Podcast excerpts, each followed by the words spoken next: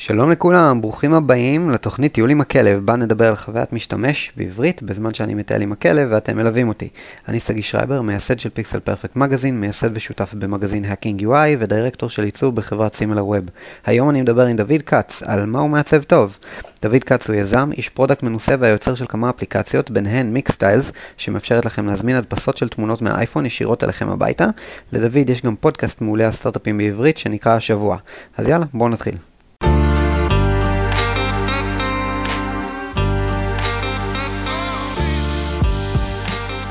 שלום וברוכים הבאים לפרק הרביעי בטיול עם הכלב, פודקאסט על חוויית משתמש בעברית. אני שגיא שרייבר, המייסד של פיקסל פרפקט מגזין, אז איתי היום דוד כץ. דוד. מה המצב? עדיין טוב. אה, אז אה, בוא, בוא ספר לי קצת עליך. מה אני יכול לספר? אה, אתה יודע, בגדול אני יזם. אני פודקאסטיונר כמוך.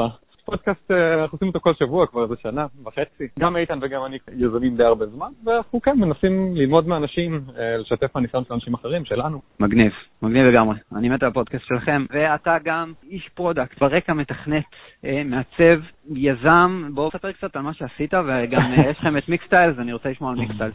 בכיף. אז די בקצרה, אני לא אוהב לדבר על עצמי יותר מדי. אני, נראה לי שיזם זה התיאור הכי טוב שאני יכול לתת. באתי מתכנות, התחלתי לתכנת כשהייתי ילד, אבל בעשר שנים האחרונות אני בעיקר יזם, מעצב הרבה. החברה הראשונה שלי הייתה חברה לבניית אפליקציות, זו הייתה החברה הראשונה בארץ לפי מיטב ידיעתי, בניית אפליקציות ל-iOS, לאייפון, והיא בעיקר עסקה בבנייה של אפליקציות אה, עם פוקוס על חוויית משתמש. מה עוד? מעבר לזה, עזרתי לגוגל לבנות את הלונצ'פד, שזה ה accelerator של גוגל, זו תוכנית של שבוע שקורית כמעט כל חודש. אני עושה שם את ההרצאת פתיחה עד היום, וכתבתי הרבה מהתכנים של התוכנית, גם בארץ וגם בחו"ל. והיום אני בעיקר עובד על מיקסטייל, עם איתן, השותף שלי. מיקסטייל סטארט-אפ, אפליקציה, תחום ה commerce, retail. המטרה שלה זה להפוך את קישוט הבית לקל. הדרך שעושים את זה זה שבוחרים את התמונות שאתה צילמת מהטלפון שלך, אנחנו שולחים לך חבילה עם התמונות האלה מוכנות לצלייה, כאלה זה ריבועים שהם בערך גודל 20 על 20 סנטימטרים, קצת בולטים מהקיר, ויש להם פתרון הדבקה מגניב. ממש ממש מגניב. מיקס סטיילס. שרייבר, תקשיב, בוא נדבר על עיצוב, אני רוצה לדבר איתך. יאללה. אני יכול לשאול אותך שאלות גם? כמובן. יופי. אז תשמע מה אני רוצה לדבר איתך. אני מרגיש שעיצוב זה תחום שלא מקבל מספיק תשומת לב בישראל. אולי דרך אחרת להגיד את זה שאין הרבה מעצבים ממש טובים. אחד מה... אתה יודע, אני לפעמים מרגיש שמעצבים טובים יותר קשה למצוא ממתכנתים טובים, וזה אומר הרבה. בארץ זה נכון. אז אני, אז אני רוצה לדבר איתך על זה, אני רוצה לדבר איתך על מה זה עיצוב טוב ואיך נהיים מעצב טוב. כי אני חושב שאנחנו כולנו נרוויח שנהיה יותר מעצבים טובים. כן, אוקיי. אז דבר ראשון, אני, אני רוצה להתחיל בטיפה הקדמה. אנחנו מדברים על מעצב טוב, אנחנו מדברים כרגע על מעצב מוצר, מעצב מוצר דיגיטלי, UI, UX, או בכל השמות שאפשר לקרוא לזה, אה, מעצב אינטראקטיבי, מעצב חוויית משתמש. בן אדם שבאים אליו עם בעיות והוא יודע להביא פתרונות ויזואליים. מעצב טוב היום צריך לשבת על התפר של הרבה הרבה דברים, ובעצם מצופה ממנו להרבה יותר ממה שהיה מצופה בעבר. ויש לזה גם הרצאה של ג'ואל קליפה, מעצב מאוד מוכשר מניו יורק, שהוא גם מתכנת, עובד בדיג'יטל אושן, הוא מדבר על uh, the full stack anxiety, אם מישהו רוצה לחפש את זה, אני אנסה לשים את הלינק ב-show notes. הוא מדבר על זה שהיום מעצב אם פעם היה, היינו איכשהו כולם מתווכחים שדורשים ממעצב לדעת HTML גם, בנוסף לזה שהוא יודע לעצב, היום זה כבר לא ככה, היום דורשים ממנו לא רק לדעת HTML ו-CSS, לפחות במשרות בחו"ל, בארץ זה לא ככה, אה, אלא מבקשים ממנו גם להבין ב user testing, מבקשים ממנו לדעת כלי prototyping, לפעמים גם uh, כלים לאנימציות, כמו After Effects וכולי, כדי להמחיש עוד יותר את העיצובים שלו. כל מיני כלים שונים שיוצאים לשוק, כמו Sketch או בקרוב Comet. גם כשאתה יודע front-end ואתה יודע HTML CSS, יש לך עוד דברים לדעת, כאילו זה לא רק HTML CSS, זה פתאום ב-CSS יש לך SCSS, ויש לך כל מיני JavaScript, יש לך Angular, Ember, אה, כל מיני טכנולוגיות ו-frameworks שמאוד קשה לעקוב אחריהם, ומעצב. פתאום הוא בצומת דרכים, וב-UX גם יש לך אלפי דברים, יש לך כאילו personas, jobs to be done, user journey maps, איך לעשות empathy maps, איך בעצם לחקור את ה product נכון. אז יש פה כל כך הרבה דברים ב-user testing. איך עושים user testing? כאילו, יש כל מיני כלים באינטרנט לעשות user testing, אבל יש גם כלים כאילו ל-qualitative data, ל-quantitative data. הכל מעצב צריך לדעת היום. יש הרבה שיודעים בחו"ל הם יותר נפוצים, ובארץ הם ממש ממש נדירים. אז אה, טוב, דוד, ספר לי אתה, מה זה מעצב טוב? תראה, אה, מעצב טוב, מעצב טוב לדעתי, קודם כל, כאילו נגעת בזה קצת, זה תחום מאוד אינטרדיסציפלינרי, מולטי-דיסציפלינרי, אבל בסופו של דבר, לדעתי, המעצב הוא, יש לו את האחריות הסופית על זה שהמוצר יהיה ברור ונוח. אם אני, אם אני חייב לצמצם את זה לאיזשהו אאוטפוט, אז, אז שם הייתי שם את הפוקוס. אגב, לא הייתי שם אותו על יפה, לא, ש... זה לא שאני חושב שיפה זה לא חשוב, אבל אם אתה מכריח אותי לבחור מה יותר חשוב, אז לא הייתי שם יפה בקריטריונים הכי חשובים uh, של עיצוב. Mm-hmm. אני חושב שהייתי שם את זה על ברור ועל נוח. Um, כרגיל למעצב אין השפעה על מה המוצר הבסיסי עושה, אז כאילו אני מניח שמישהו אחר הגדיר כאילו מה המטרות של המוצר, מה, מה אתה אמור להיות מסוגל לעשות איתו, yeah. כן. uh, אז אני חושב שהאחריות של המעצב היא לקחת את המטרות האלה ולתרגם אותן למוצר ברור ונוח. ברור ונוח אומר שאתה מסתכל עליו ואתה מבין איך הוא עובד, אה, אתה יודע איך להפעיל אותו, אה, ונוח להפעיל אותו. אוקיי, okay. אז בגדול אני מסכים איתך, אני גם עם דעות uh, מאוד דומות בנוגע לעניין הזה. אני רוצה לחדד כמה דברים. דבר ראשון, שאתה אומר לקחת את המוצר ולהפוך אותו לנוח, או בעצם לקחת את הדרישות האלה ממישהו אחר ו- ולעבוד עליהם, אני חושב שמעצב טוב הוא מעצב שיודע לשאול שאלות נכונות, דבר ראשון. ולדעת לשאול שאלות נכונות, זה אני, פה אני מדבר על חוויית משתמש. כלומר, זה מעצב שאם לקוח למשל בא אליו, כלומר, אנחנו מדברים פה על מה בעצם עושה מעצב טוב. אז אני אומר, אם אתם עכשיו מעצבים ואתם פרילנסרים, ובא אליכם לקוח ואומר, אני רוצה אתר תדמיתי, כי אני תכשיטן. כן. אה, ואתר תדמיתי זה אתר שבו כאילו לא מציגים יותר מדי אה, פריטים, אפשר לשאול אותו, אוקיי, מה, מה המטרה שלך מהאתר הזה? זאת כבר שאלה שמתחילה אה, והרבה פעמים משנה ללקוח את הבריף בזמן שהוא מדבר איתכם. שאלה קריטית אגב, קריטית. כן. מה, נכון. מה המטרה של כל הדבר הזה? מה המטרה? מה באת לעשות פה? אני חושב שהשאלות האלה שהן כל כך כביכול פשוטות, כשאנחנו שואלים אותן... יש אנשים, יש אנשים שלא שואלים את הדברים האלה. נכון, וזה כאילו ברמה high-level, וברמה של ה... ממש לפרטים, כלומר, מה מעצב מוצר, איך הוא עובד עם product manager ים, ואם מסובבים אותו, אני גם אומר תמיד למעצבים שלי, ה product manager ים שלנו הם אחלה והם מקצועיים, אבל אנחנו צריכים לשאול את השאלות האלה גם, גם אותם, גם אנשים שהם מאוד איתנו במוצר ובאים לפתור פה בעיות של המשתמשים שלנו ומסתמכים על data, אנחנו צריכים לשאול אותם שאלות. עכשיו, אם הם באים עם data ואומרים, אוקיי, זה ה data שיש לנו, אתה יודע, data kills arguments אומרים. אז, אז זה נכון, אז כלומר, אז אם יש להם data נכון, סבבה, קיבלת את התשובה לשאלה שלך ואתה יכול להמשיך בדרכך, אבל עדיין מטרתך כמעצב היא לשאול את השאלות הנכונות. אז זה דבר ראשון. דבר שני, שוב, מה זה מעצב טוב? מעצב טוב הוא מעצב שיכול ליצור חיבור אמוציונלי בין המשתמש לבין ה brand שאליו הוא מעצב. מה זה אומר חיבור אמוציונלי? זה אומר שהוא יוצר איזשהו רגש. מעצב טוב הוא מעצב שיודע ליצור רגש. הרגש הזה נוצר אה, לא, לא רק באמצעות הפתירה של הבעיה עצמה, כי פתרון של בעיה, נגיד, אה, אם תגיד לי, תעשה לי תפריט, אני יכול להגיד לך, אוקיי, בוא נעשה drop down. אבל drop down, יש כל כך הרבה דרכים להביא אותו לידי ביטוי. ותפריט, כמו שהיום אנחנו רואים כל מיני pattern ים אה, שונים לתפריטים שנפתחים באנימציות כאלה ושונות, בשביל מה זה בעצם נוצר, בשביל מה כל גוגל material design והאנימציות מסביב, זה בשביל א', לפתור את הבעיה בצורה יותר טובה, אבל גם שיוצרת רגש אצל הבן אדם. רגש במובן של, אני רואה את זה וזה כיף לי לראות את זה, יש לי delight מזה שאני רואה את זה. זה מכווין אותי בדרך הנכונה.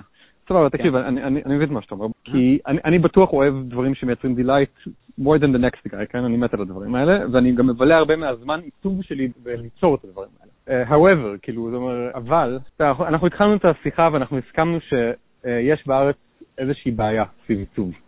כן. אמ, דרך אחרת להגיד את זה, זה שאם אתה מסתכל על העיצוב הממוצע, אתה רואה בו הרבה בעיות. עכשיו, אני טוען שאם אתה תסתכל על הרבה עיצובים, ואתה יכול, תתחיל למספר את הבעיות שיש להם, זאת אומרת, תנסה להצביע מה הבעיות הכי חמורות שיש. טענתי היא שהעיצובים נכשלים במקומות הרבה יותר בעייתיים מאם הם נראים טוב ומייצרים רגש. אה, זה אומר, אולי דרך אחרת להגיד את הטיעון הזה, זה ש... תביא מישהו שמייצר גרפיקה מדהימה ותיתן לו לעצב בדיוק את אותו אה, הגדרה של מוצר אחת לאחד, כן, אותם מסכים, אותם כפתורים, אותם מקומות כמעט, רק שהכל נראה יותר טוב, המוצר mm-hmm. עדיין לא יהיה מעוצב טוב, וזה יהיה משמעותי, כי, כי הבן אדם לא יבין מה זה בכלל, הוא לא יבין איך זה עובד. אני גם חייב להגיד שאני מדבר פה על עיצוב של מוצרים שהם אינטראקטיב, שמנסים לעשות איזה משהו חדשני, כן? כאילו אם אתם מדברים עכשיו לעצב אתר, אה, או פתיחה של מסעדה, אה, זה שונה. כן, כאילו בוא נגיד שם ה-UX pattern, או כאילו איך שהדבר הזה אמור לעבוד, הוא יחסית figured out. זאת אומרת, כאילו, אתה יכול להסתכל על הרבה אתרים שסך הכל עובדים, ואתה יודע שאם אתה תבנה אתר של מסעדה שנראה פחות או יותר כמו אתרים אחרים של מסעדות, אז הפונקציות הבסיסיות, כאילו מה שהמשתמש מגיע בשביל לעשות, לדעת מתי זה נפתח ואיפה זה נמצא על המפה ומה התפריט, שזה כאילו הצרכים בסוף של ה user יוענו. אה, אז, אז אתה יכול להעביר את הפוקוס שלך ללא יודע, לדברים אחרים. כן. אבל כשאנחנו מדברים על בנייה של מוצר חדש, משהו חדשני שעדיין לא עשו, הטענה שלי זה ש, שאם אתה לא מצליח להגיע למוצר שהוא ברור, שאתה מבין איך הוא עובד ושאתה מסוגל להפעיל אותו בצורה נוחה, אתה בכלל לא יכול להתקדם לשלב הבא. כאילו, ברור שאתה תרצה גם שיהיה delightful וגם שיראה מדהים, אבל אם אתה לא מצליח להגיע לרמה הבסיסית הזאת, אז לא עשית כלום. זה נכון לגמרי, אני מסכים איתך במאה אחוז. אני פשוט חושב שאנחנו שואלים מה עושה מעצב טוב, אז נגיד, אני יכול לתת כמה וכמה דוגמאות של מעצבים שהכיוון מחשבה ה-UX י שלהם ממש ממש טוב. אה, אני יכול להגיד שאבל אם יש שני דברים שאני לא מתפשר אליהם היום, כאשר אני מחפש מעצבי חוויית משתמש שיצטרפו אליי לצוות בסימלר ווב, אני מחפש הרמה הכי גבוהה גם מבחינת מחשבה, כלומר UX, שזה אנחנו מדברים, פתירת בעיות נכונה ו- ומחשבה טובה של product, וגם רמת ביצוע top notch, וזה אומר רמת ביצוע לא פשוט שאתה תדע ליישר את האלמנטים על הקנבס, כי זה חלק מזה, אבל פה אני מדבר על, ה, על האפשרות לייצר delight, ולא לא רק לייצר delight באמצעות דברים חמודים באנימציה. אני מדבר על אה, יסודות העיצוב, רמה גבוהה מאוד של טיפוגרפיה, רמה גבוהה מאוד של אה, ידע, של דברים בסיסיים, אה, שהם מה שמרכיבים היום את העיצוב הטוב הזה, שזה בעצם ידע וניסיון בעיצוב עם grid, קומפוזיציה, כיווניות נכונה, ליצור קונטרסטים בין אלמנטים. תקשיב, אני לא, תקשיב, אני לא מתווכח איתך. אם אני הייתי עכשיו, אם אני עכשיו הולך לגייס מעצב, גם אני מחפש את כל הדברים שאמרת. אני גם לא אתפשר, גם אני לא אשכור מישהו שהוא לא מייצר דברים אה, שמעוררים delight, שהטיפוגרפיה בה טובה ושההיררכיה הוויזואלית טובה, ושההיררכיה הזאת נוצרת גם על ידי טיפוגרפיה, גם על ידי צבעים, גם על ידי קונטרסט, וכל הדברים האלה מאוד חשובים. אתה, אתה אמרת שחשוב לך שעיצוב ייצר delight. ו delight כן. זה, זה אחלה קריטריון. כן, אגב, אני חושב שהוא בהרבה פעמים מגיע מדברים שהם קצת יותר רציונליים, או שאפשר לפחות להתדיין עליהם בצורה רציונלית. אני חושב שמוצר שהוא יותר פשוט, יותר ברור, יותר נוח, אה, שאתה מבין מה לעשות איתו ואיך הוא עובד, הרבה פעמים הסיכוי שלו לייצר delight הוא הרבה יותר גבוה. הרבה פעמים הדברים הכי חזקים שאתה יכול להשפיע עליהם בשביל לייצר delight, הם דברים שנמצאים מחוץ למה שהיית קורא לו נגיד אסתטיקה. נגיד אם אתה יכול לשכנע את ה product manager אה, להוריד feature או להוריד פיצ'רים, ויש לך כאילו spec יותר פשוט לעבוד איתו. כן. אה, זאת אומרת כאילו שהדרישות, אם היית מצליח לגרום לדרישות הפונקציונליות של המוצר לרדת, אז אתה יכול בצורה הרבה יותר קלה לייצר עיצוב טוב. האם אתה מסכים עם זה? כן, אני מסכים איתך. מה אני אומר? יש קשר מאוד חזק בין עיצוב טוב לפשטות, אתה מסכים עם זה? אני, אני מסכים עם זה במאה אחוז, אני חושב שאתה נוגע פה באיזה משהו שהוא גם עוד ערך של מעצב טוב. כלומר, אני רק לאחרונה התמודדתי עם זה. בתכנות יש לך את המושג שנקרא Development Debt. וזה. משהו שהוא, להרבה מתכנתים, הם באים, מתחילים סטארט-אפ, עושים אותו bootstrap, משלמים להודים שיעשו את הקוד בפעם הראשונה, ועל זה בונים סטארט-אפ של אה, מאות מיליוני דולרים בשנה. ואז פתאום מגיע המצב שהסטארט-אפ גדל, יש בו כבר מעל 50 או מעל 100 אנשים, אה, ואומרים, וואלה, הקוד שלנו הוא חרא, אנחנו חייבים עכשיו, תוך כדי כל הלחץ של פיצ'רים חדשים ואיטרציה על פיצ'רים קיימים, צריך גם לעשות reformatting של כל הקוד. וזה קורה כמעט לכל סטארט-אפ, לפחות בארץ, סטארט-אפים שאני הייתי בקשר איתם, כמעט לכולם זה קורה. refactoring זה חלק מתהליך טבעי של האבולוציה של כל קוד תמיד. לגמרי. אגב, כאילו, זה שמתחילים עם צוות הודי זה מאוד נדיר, אבל זה מאוד, אבל כאילו, אני לא חושב שזה פוגע בנקודה שלך. אה, זה שבהתחלה מתקדמים מהר ועושים דברים קצת לא נכון ב-100%, ואחר כך צריך לשלם על זה ולעשות refactoring ולפשט את הקוד, זה קורה תמיד. כן, אז זה קורה תמיד וזה בסדר וזה נורמלי. אבל מה שאני למדתי לאחרונה, שזה קורה גם בעיצוב, ברמה ממש אה, ש... שהיא ongoing. מה זה אומר? זה אומר שכאילו מעצב טוב הוא מעצב שגם יודע לעשות דברים שהם scalable-יים מבחינת המוצר. כשהוא בונה עכשיו תפריט, הוא יודע שעכשיו בהמשך יתווספו לתפריט הזה הרבה אפשרויות אחרות כנראה, ש... שהן יהיו הכרחיות מבחינת המוצר. כשהוא בונה טבלה, הוא יודע שהטבלה הזו כנראה בהמשך יצטרפו להוסיף בה עוד עמודות אולי. אה, כשהוא בונה גרף, אותו דבר. כלומר, כל אלמנט שאנחנו בונים בתור מעצבים, אנחנו צריכים לזכור שהמוצר שאנחנו עובדים עליו, כנראה, בתקווה, אם אנחנו עובדים נכון, הוא will scale, ובהמשך הוא יהיה יותר קומפלקס. אנחנו צריכים איכשהו לשמר את ה simplicity שלו, שזה מה שדיברת מקודם. אז מעצב טוב הוא גם מעצב שיודע לשמור simplicity ב scale, וזה חשוב. תקשיב, לדעתי זה קריטי. באמת, כאילו, אתה יודע, עיצוב זה דבר גדול, יש הרבה דברים לדבר עליהם, אבל לדעתי, אם אתה מסוגל לייצר פשטות בתור מעצב, אתה עושה המון. ואגב, זה לא קל, כן? כי לייצר פשטות אמיתית זה דורש כלים בינתחומיים, כי הפשטות מגיעה מהרבה רמות, ואגב, הרבה מהרמות שמשפיעות על פשטות באות אה, מחוץ לצוות של המעצב, כאילו באות בהגדרות מוצר, באות במטרות העסקיות, ואתה תראה שהמעצבים הכי טובים יודעים, אני בכוונה כאילו מקצין עד הסוף, אבל זה בהחלט קיים, המעצבים הכי טובים יודעים להגיע עד למנכ"ל ולשכנע אותו למה מערך עסקי מסוים הוא מייצר מורכבות מוצרית, ושהמורכבות הזאת מחלחלת לתוך העסק ולתוך המוצר, ובסוף המוצר פחות טוב בגלל זה, ותראה, לפעמים זה כדאי, אבל גם לפעמים זה באמת משכנע. כאילו, היום אנחנו חיים בעידן שבו UX הוא פריוריטי uh, עסקי מהמדרגה הראשונה, ואם אתה מסוגל לשכנע בתור מעצב שאיזושהי החלטה עסקית גוררת אחרי המורכבות מוצרית שאי אפשר להתעלם ממנה, לא משנה כמה תהיה מעצב טוב, החלטה עסקית אחרת תביא לי יותר פשטות ומוצר יותר טוב, אז יכולים לקחת אותך ברצינות, אם תעשה את זה נכון. נכון, אני לגמרי מסכים, ואני חושב שזה נוגע בנקודה באמת שאנשים צריכים, צריכים לחשוב עליה. עוד משהו שיוצר מעצב טוב, וזה משהו שבפודקאסט השני שלי, ב Hacking UI, שהוא באנגלית, בפרק האחרון ששחררנו, דיברנו עם אליסה האג', שהיא בעצם דיזיין uh, מנג'רית בפייסבוק, והיא אמרה שלפי דעתה, מעצב טוב, מה שמבדיל בין מעצב טוב למעצב junior, זה שמעצב junior כאילו מגיע ונותנים לו איזושהי משימה, והוא מנסה פה, מנסה שם, בסוף הוא מגיע לתוצאה, אבל הוא עובר trial and error. אבל מעצב שהוא מנוסה, אז הוא, יש לו כבר איזושהי מתודולוגיה מסוימת, יש לו איזושהי שיטה שדרכה הוא עובד כדי להגיע לתוצאה, ואז הוא יודע ליישם את אותה שיטה על כל מיני בעיות שונות, וככה לייצר תוצאה מוצלחת. אז כן. זה גם uh, מבדיל מאוד בין מעצב טוב למעצב שהוא ג'וניור. זה בא עם ניסיון גם, אבל כלומר, גם תוך כדי שאתה, אם אתה בתחילת הדרך, תנסה לראות איך אתה יוצר את הדברים האלה. עכשיו, לי יש סיפור קטן על זה, ספציפית, והוא עוזר להרבה מעצבים מתחילים. אני למדתי שיטה בזמנו להציג עיצוב ללקוח, למדתי את זה מאילן דריי, שהוא דירקטור אה, ובעלים של, קו-בעלים של אינקוד אייפרה, סטודיו לעיצוב אה, אפליקציה וחוות משתמש.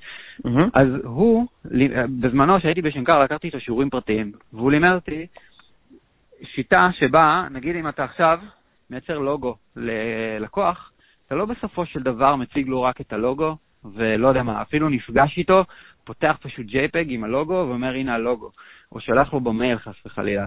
אתה בונה לו פרזנטציה ממש ממש ארוכה, זה בעצם כמו, זה JPEG ממש ממש ארוך, שבלמעלה שלו, דבר ראשון כתוב את שם החברה, יפה כזה, ומתחתיה כתוב פסקה, שזאת הפסקה של המטרה של הלוגו, שזה בעצם אתה שואל את הלקוח בהתחלה, זה ממש ציטוט של מה שהלקוח אמר לך, אתה פשוט שם את זה שם. זה כבר מחבר את הלקוח ברגע שהוא רואה את התוצר הסופי שלך, למרות שלא חידשת כלום, כתבת את מה שהוא אמר, זה ישר מחבר אותו לדבר הזה. ואז אתה מתחיל לגלול למטה ואתה מראה לו את התהליך. אתה מראה לו, הנה המתחרים, ואתה מראה JPEGים של המתחרים, אתה מראה, הנה, הנה, הנה הטיפוגרפיה שבחרתי, ואתה מסביר בממש משפט למה דווקא הפונט הזה, אתה מראה אחרי זה צבעוניות, ואז אתה מראה אלמנטים מתוך הלוגו, כאילו למה בעצם הגעת לצורניות מסוימת, ואז אתה מראה את הלוגו. ובלמטה שאתה מראה את הלוגו, אתה לא מראה רק את הלוגו, אתה מראה כבר את הלוגו, ומתחת לזה מעין ניסיונות שלו, כלומר מוקאפים במקומות חיים, כלומר כרטיס ביקור או דברים כאלה. הלקוח מתחבר לזה, וזה עובד פלאים, וזה תופס גם לגבי איך שאתה מראה אתרים. אם מישהו מעצב אתר ללקוח, אתה יכול להתחיל את הפרזנטציה בדיוק באותה צורה, אתה לא צריך לשלוח לו JPEG או InVision של האתר, אתה יכול להתחיל את הפרזנטציה הזאת באותו ציטוט, ואז פתאום להראות, אוקיי, הנה הווידג'ט של בסיידבר, בדיוק זה מתחבר קונספטואלית כי ככה וככה, הנה האייטם של החדשות, והנה ההדר, והנה כל, כל הדף של האתר בעצם, ואז זה, mm-hmm. שוב, זה מראה תהליך וזה מחבר מאוד, וזה שיטתי. כן, um, סבבה. כאילו, אני, אני בטוח מסכים עם, עם זה שכשאתה um, מציג עבודה, אגב, לא משנה באיזה מקצוע, כן, לדעתי, כן. כאילו בכל מקצוע, אבל גם כשמעצב מציג עבודה, uh, בטח, הוא פונה לתוך ארגון, יש שם עוד סטייק הולדרים, עוד אנשים שאכפת להם מהתוצר הזה. לא משנה אם זה לקוח או זה בתוך החברה, בטח צריך להסביר, להסביר למה הדבר הזה שאתה מציג הוא הדבר הנכון. אני אגב הייתי ממליץ יותר על להראות שיקולים ולא על להראות תהליך, אבל, אבל זה, זה כבר עניין של סטייל, כן? אבל כאילו בוא נגיד, אני יכול להגיד שלפחות בשבילי, הרבה יותר מעניין לשמוע מה השיקולים, אה, מה ה trade-off-ים בין ההחלטות ולמה זה נכון ב- ביחס לאלטרנטיבות, אה, מלהראות את התהליך בדיוק כמו שאני עברתי אותו. כאילו זה שאני הייתי צריך לעבור אלף דברים ולהיכנס להרבה סמטאות ולצאת מהם, כאילו לדעתי זה קצת פחות מעניין, אבל מה שבטוח מעניין זה תראה, זה היו האפשרויות, זה ה priorities לדעתי בפרויקט הזה, ובגלל זה בחרתי את האופציה א' או את האופציה ב', קריטי לדעתי. אוקיי, כן, יכול להיות. הקטע בתהליך של להראות גלילה ארוכה, כלומר, עם כל ההחלטות שקיבלת רק על ספציפית כיוון אחד, זה בגלל שאתה מראה תהליך שהוא כביכול נכון, ואז בסופו של דבר אתה מראה תוצאה ללקוח שהוא מסכים איתך, ואתה לא מראה את כל ההתלבטויות, כי ברגע שאתה מראה התלבטויות, הרבה פעמים זה גם פותח דלתות להרבה שאלות והתלבטויות מצד הלקוח. בוא, בוא נדבר על זה שנייה, כי תהליכים של עבודה מול לקוחות יש כל מיני אתגרים. אה, אני האמת כן. שהקשבתי קצת לשיחה שלך עם, אה, עם רן סגל, ודיברתם קצת על ריטיינר ועל דברים כאלה, ועבודה עם לקוחות זה דבר מורכב, כן? נגיד, יכול להיות שאתה לא רוצה שלקוח יתלבט כי סגרת אותו על, איתו על מחיר פרויקטלי וזה יבאס לך את החיים אם הוא יתלבט. כן. אני חושב שכאילו כשחושבים על תהליך עיצוב, נכון, עדיף שנייה לנתק את זה מלקוח. בתהליך עיצוב טוב, אני לא חושב שהמטרה שלך זה בהכרח לשכנע את הצד השני. אתה לא רוצה בהכרח להגדיר את הסיכויים שלו לקבל את מה שאתה מציע. מה שאתה רוצה לעשות בתור מעצב טוב זה להעלות את הסיכויים של העסק להצליח. עכשיו, בשביל שהעסק יצליח, אה, לעסק יש הרבה שיקולים. אתה מכיר חלק מהם. הבן אדם שמולך מכיר mm-hmm. עוד חלקים שאתה לא מכיר. אז כן. בגלל זה, לדעתי, אתה לא צריך לראות במטרה שלך להעביר איזשהו מסר. אתה כמובן צריך לבוא עם דעה ולהציג משהו שלדעתך מעולה, אבל עדיין צריך להשאיר איזשהו מקום לזה שיכול להיות שקיבלת החלטות לא נכונות לאורך הדרך, מאוד סביר אגב, אין מה לעשות, הבן אדם מולך יודע דברים אחרים שאתה לא יודע. כן. אה, אז כשאתה מציג חלופות, לא סתם חלופות, זה לא כזה חשבתי על, חשבתי על זה, אתה מציג כאילו את תהליכי החשיבה שלך, אה, ונותן לבן אדם השני הזדמנות להגיד, וואלה, תקשיב, אני מבין אותך, אבל בעצם יש פה עוד איזה שיקול, ובגלל זה דווקא נראה לי חלופת ב' יותר מתאימה, כי לא יודע מה. אה, ואז זה ישכנע אותך. כן, לא, לא, יכול להיות לגמרי. אגב, זאת שיטה ידועה, כאילו, שאתה עובד עם product manager, והרבה פעמים הם לא מבינים בעיצוב, ובראש שלהם יש איזשהו רעיון למשהו שאתה יודע מראש שיראה חרא, אבל הם חושבים שזה גאוני, אה, ואז אתה פשוט אומר להם, אוקיי, אז בואו בוא נשרטט את זה, נעשה את העיצוב לדבר הזה, ואתה מעצב את זה כמו שהם רצו, ואז אתה מעצב את מה שאתה חשבת, ואז הם פשוט רואים את האחד מול השני, והם מסכימים איתך ישר. כן, אגב, מה, ש... אגב, מה שאתה התחלת, אמרת קודם, שמאוד חשוב לשאול שאלות, נכון? בהתחלה של, של נכון, תהליך עיצוב. נכון, לגמרי. מעולה, אז מה שיכול לקרות בקלות זה שוואלה, פספסת איזו שאלה חשובה, פשוט לא, לא חשבת על זה. אה, והתחלת לעבוד, ולא היה לך את המטרות המלאות בראש. ובאמת זה הוביל אותך לכיוון שהוא לא אידיאלי. ואז תוך כדי השיחה, אתה פתאום מבין שוואלה, יש פה עוד איזה שהן סט הנחות, עוד איזה שהן שאלות שלא שאלת שהן חשובות, ואז מתוך השיחה זה עולה, ואז אתה בעצמך מבין שאתה צריך לשנות דברים. מעולה, והגעת לעוד משהו כל כך חשוב של מה שמגדיר מעצב טוב, שזה בעצם אה, לדעת להבין שלפעמים אתה טועה, וב' לקבל פידבק.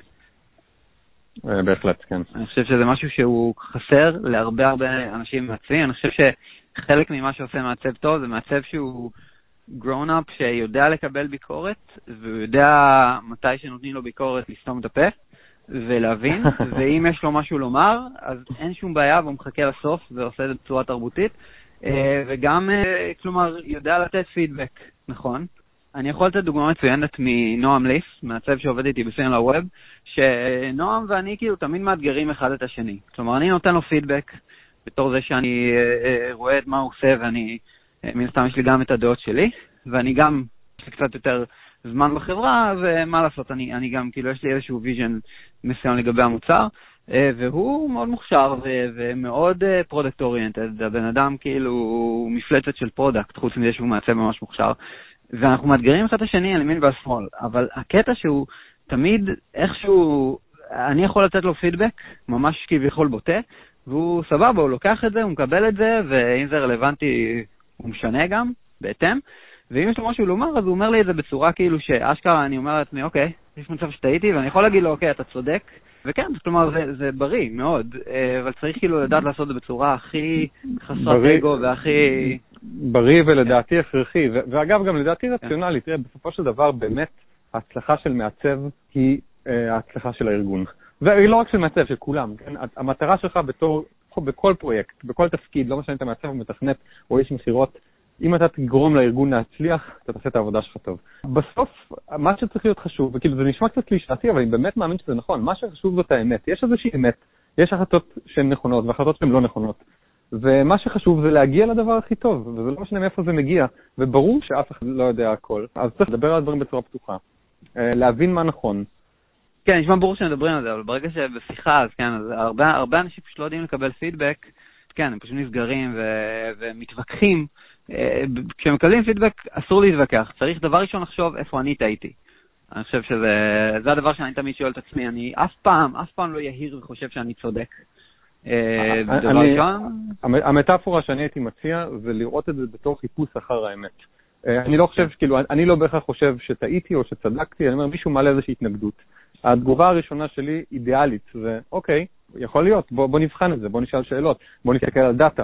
אז זה מצוין, אני חושב שנגעת בנקודה טובה. זה בדיוק התגובה, שוב, תגובה אידיאלית. אה, ומה זה תגובה אידיאלית? אני חושב שברובנו, רובנו ש, שעובדים על אפילו, לפעמים אנחנו עובדים על עיצוב וכבר ממש חושבים שהוא חבל הזמן, בן זונה וזה, ואז מישהו בא ופתאום לא אוהב את זה, לא, כאילו, יש לו איזושהי טענת נגד. והדבר הראשון שאנחנו אומרים לעצמנו בלב, לפני שאנחנו מדברים אפילו, זה, הוא לא מבין בשיט. כאילו, זה לא משנה מי, מי עומד מולך, זה לא משנה, אתה אומר לעצמך, איזה אפס, כאילו, מה הוא מבין? והדבר השני שאתה אומר זה, אני עבדתי על זה כל כך הרבה, איך זה הגיוני שכאילו הוא בא ועכשיו יש לו מה לומר בנושא, אני עכשיו עמלתי על זה כל כך הרבה זמן, אני יודע מה טוב.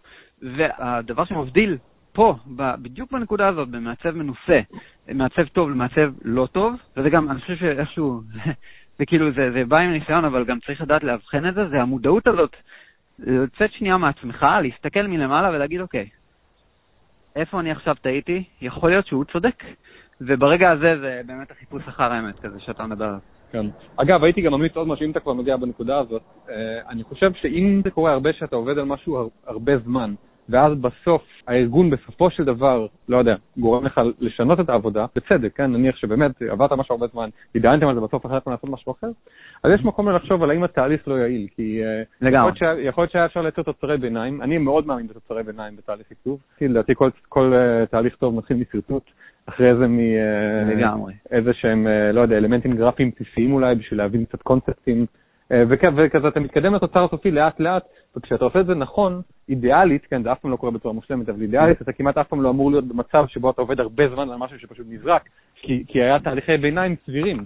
לגמרי, מסכים איתך במאה אחוז, אני חושב שזה גם, אני רוצה לחדד גם לגבי, קודם שאמרתי לגבי הפרזנטציה הסופית והדברים האלה שמראים ללקוח כיוון אחד, אה, זה לא, זה לא בא במקום לשתף את הלקוח או בכלל כל stake uh, holder בתהליך, אני חושב שהתהליך הוא הכי חשוב בעולם, וטיפ שאני יכול לתת, אם יש טיפ ממש ממש חשוב שאני יכול לתת כמעט לכל מעצב וכמעט בכל מצב, כלומר עם לקוח ועם חברה, זה לתת ללקוח או ל stakeholder לשרטט בעצמו את הרעיון שלו, על נייר.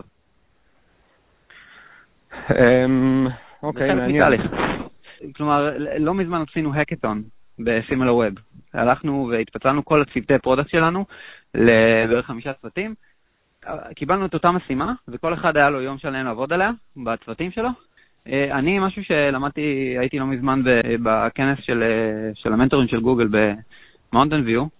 כשהיינו שם, אז היה לנו יומיים של סדנת design sprint, וחלק מהדברים שאמרו לנו שם זה תנו לכולם לשרטט באיזשהו שלב. ואז בסוף תולים את הכל ועושים voting על מה שהכי אהבתם. אז מה שעשינו, זה פתאום באיזשהו שלב עצרתי את כולם, וכולם אמרו, שגיא, יאללה, תתחיל לשרטט כבר, תתחיל. וכולם היו סגורים פלוס מינוס על איך ייראה הדבר הזה לפי דעתם בראש שלהם, אבל לא באמת עד רמת הדיטיילס. וברגע שאמרתי לחבר'ה, אתם יודעים מה, אני לא מסרטט, אני לא עושה לבד. דבר ראשון, כולנו פה עכשיו יושבים, וכל אחד, יש לנו שבע דקות, כל אחד מסרטט כיוון, אנחנו משרטטים כל אחד שני כיוונים, שבע דקות לכל אחד. אחרי 14 דקות, היו לנו לכל אחד שני כיוונים, תלינו את הכל על הקיר, ועשינו, אשכרה הצבענו על פיצ'רים פנימיים בתוך כל אחד מהדפים, הדבר הזה הקפיץ את, ה... את האקטון הזה חבל הזמן. טוב, אוקיי, אז אנחנו בעצם אה, היום דיברנו על מה עושה מעצב טוב, דיברנו על הרבה הרבה דברים, הלכנו ימינה, שמאלה, למעלה, למטה, אה, כל מיני כיוונים, אבל אני חושב שהיה טוב סך הכל, נכון? כן, אני, אני נהניתי. אני חושב שהיה כן. מעניין. כן, גם אני. anything to plug לפני שמסיימים? לא, אין לי שום דבר to plug.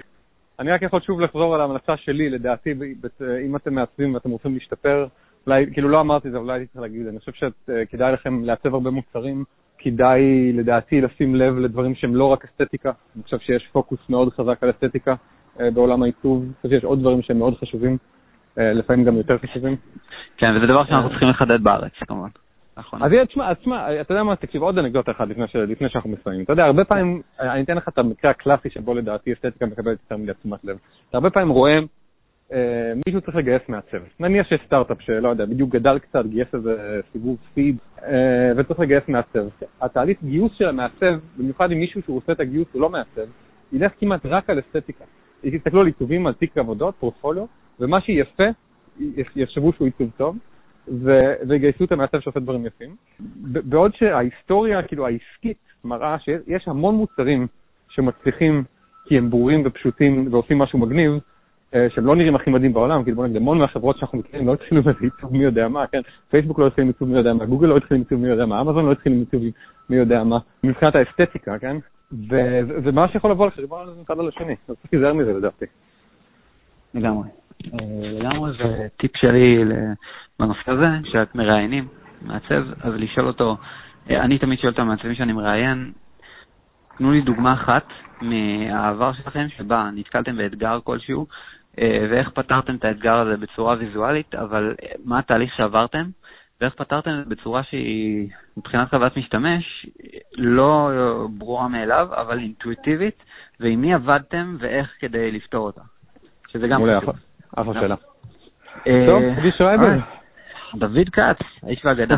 אז אה, טוב, אה, אני חייב to plug כאילו את, השבוע, הפודקאסט בנושא סטארט-אפ ו product, אני חייב, חייב שוב פעם, can't recommend it enough, לכל מי שעוד לא שומע, לשמוע, לא, לעשות subscribe כבר היום. דוד, תודה רבה, שיהיה לילה טוב, להתראות לכולם, ביי ביי. יאללה ביי.